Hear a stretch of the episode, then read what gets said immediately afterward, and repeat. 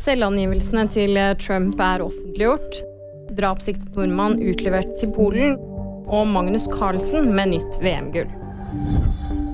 Seks år med Donald Trumps selvangivelser er nå offentliggjort. Han har tidligere nektet å gjøre det selv. Innholdet i dokumentene er eh, ikke kjent ennå, men allerede før jul så fikk verden et innblikk i ekspresidentens økonomi. Der kom det frem at Trump bare betalte 750 dollar i skatt det første året han var president, og null i skatt det siste året han var det.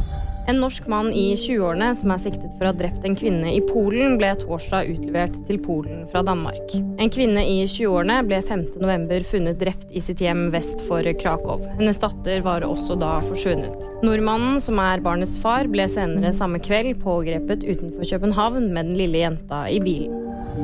Magnus Carlsen tar sitt sjette VM-gull i lynsjakk. Han vant tidligere denne uka VM i hurtigsjakk og det betyr at han tar en VM-dobbel for tredje gang i karrieren. Carlsen selv sier at det var et nervepirrende parti, og at han er utrolig fornøyd. Og VG-nyhetene de fikk du av meg, Kaja Marie Andreassen.